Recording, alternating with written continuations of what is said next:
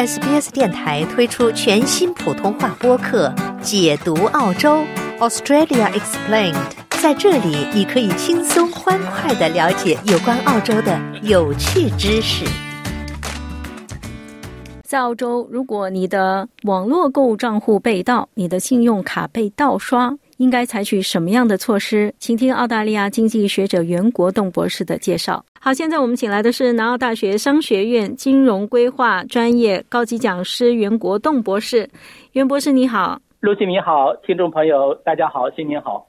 最近呢，我是看到我身边就有朋友啊，发现他的银行账户呢是连续四天内被盗刷了。四次，然后我看到新闻报道里面，好像也是最近这个现象还是频发。那袁博士能不能跟我们说一下，这到底是怎么回事？好的，我最近也看到一些呃相关的报道，包括一些个人的账户被盗用啊、盗刷呀，还有一些比如说非常呃欢迎的一个线上呃购物商或者我们说是线上购物平台，使用这一平台的一些客户呃最近抱怨说呢。那他们的个人账户呢被呃别人非法登录了，那登录以后呢就成功的下单购物啊，那么他们的账户呢被扣款了，那订单呢被发送到一个不明的邮寄地址，那一些客户呢对于订单是如何下的就感到非常的困惑了，因为线上零售商说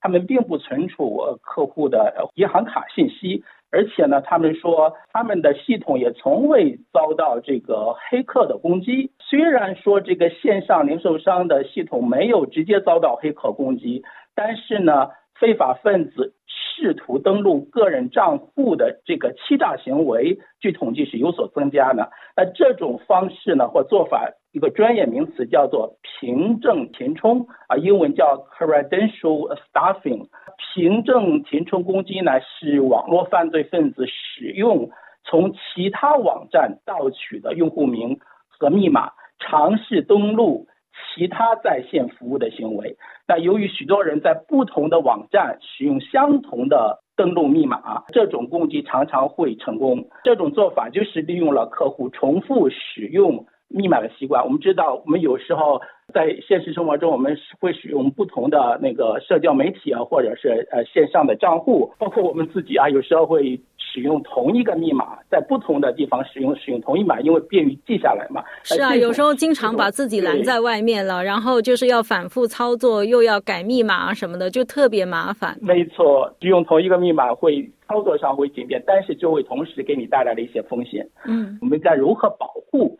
不受此类攻击的影响呢？那这就是保护措施呢，包括使用啊强密码啊，不在多个网站上或社交媒体上使用重复使用相同的密码，以及启用多因素认证。那多因素认证呢，要求用户提供两种或两种以上的验证手段，比如说要求他发送一个 PIN 新的密码到你的 message 里面，或者使用啊指纹识别或面部啊面部识别等。这就增加了账户的安全性。那此外呢，使用密码管理器也是一个好好主意，因为它可以为每个账户生成独一无二的强密码。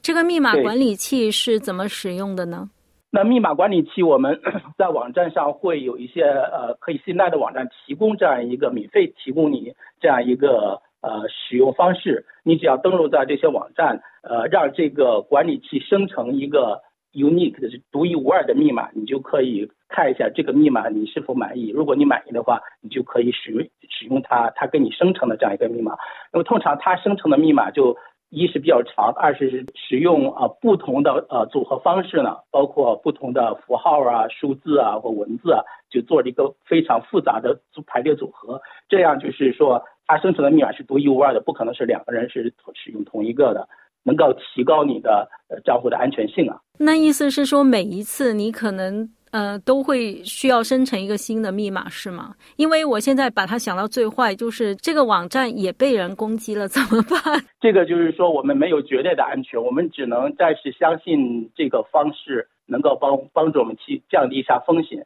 当然，它生成的密码之后你可以不用啊。包括有时候我们自己想密码，就是想的很头痛啊。你要怎么到底用一个什么样的排列组合，能使这个密码的这这个这个强度更高一些？有点想不出来，你可以用这样一个生成器。当然，因为你使用这个生成器的过程，可能它的网站也不会记录你个人信息了，你只是点击一下生成一个密码而已。那你生成这个新的密码后，你再自己再添加一些。因素里面，这样就构成一个你更加满意的、更加觉得安全度更高的、更复杂的这样一个密码。嗯，就是要不怕麻烦就是了。对，不怕麻烦。那当然，对你下一次使用，你想想生成在另外一个地方，你再生成一次，那生成一个不同的密码，就是可以让你更快的获取一个复杂的密码。个人呢，还可以采取几个关键步骤啊，来提高自己的网络安全。首先，定期更新软件和操作系统，以确保最新的安全补丁得到应用。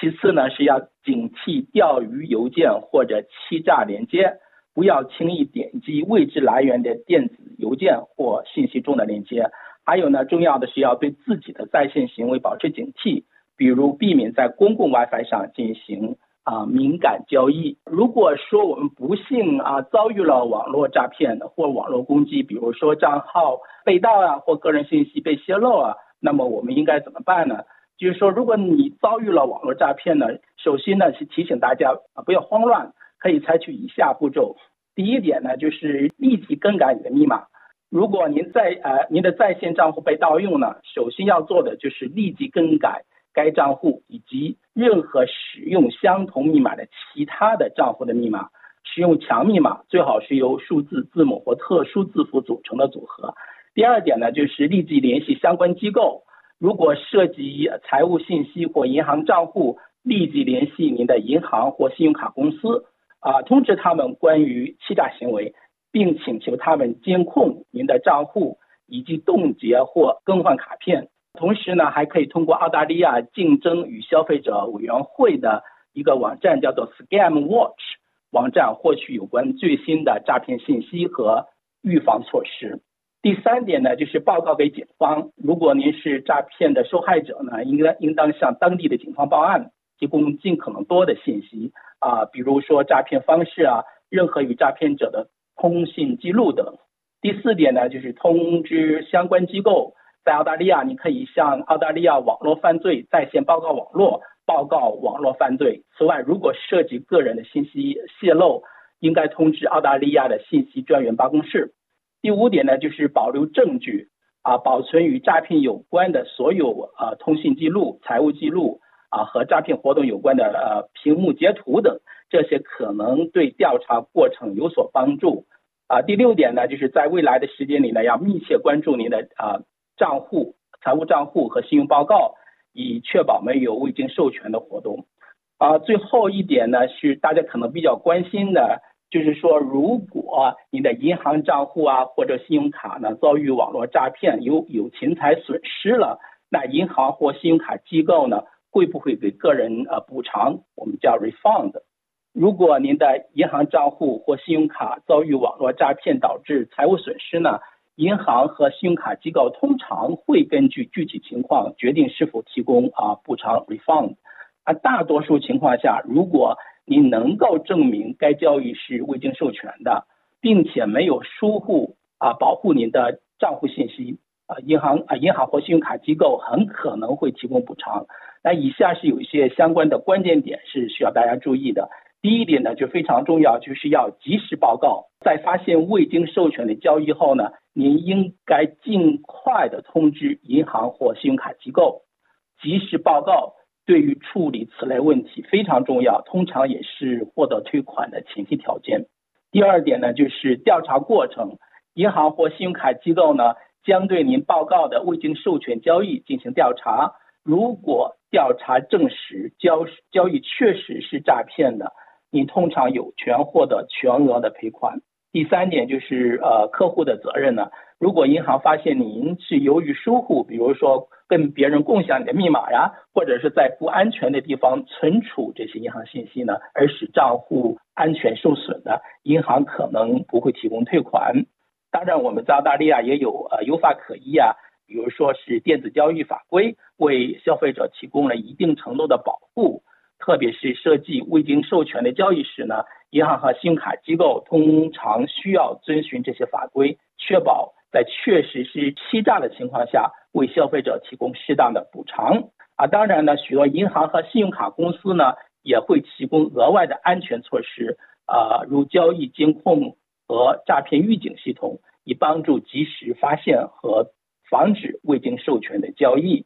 第六点就是说。呃，消费者的权益。如果您对银行或信用卡机构处理诈骗事件的方式不满意的话，您可以联系澳大利亚的金融投诉机构 Australian Financial Complaints Authority（ACAFCA） 寻求帮助和建议。在澳大利亚，如果您的银行账户或信用卡呢遭遇网络诈骗呢，只要你能够证明自己不是因疏忽而导致的损失，大多数银行或信用卡机构是会提供啊补偿的。然而呢，确保您采取适当的安全措施啊，保护您的账户信息始终是最重要的。这些包括定期啊更换密码，不共享您的账户和密码，保持警惕，针对一些钓鱼软件的攻击。通过这些措施，可以大幅降低遭遇网络诈骗的风险。好的，那今天我们也非常感谢南澳大学商学院金融规划专业高级讲师袁国栋博士给我们做的介绍，谢谢你。谢谢 Lucy。了解澳洲，融入澳洲，欢迎登录 sbs 点 com 点 au 前斜杠 language 前斜杠 mandarin，获取更多澳大利亚新闻和资讯。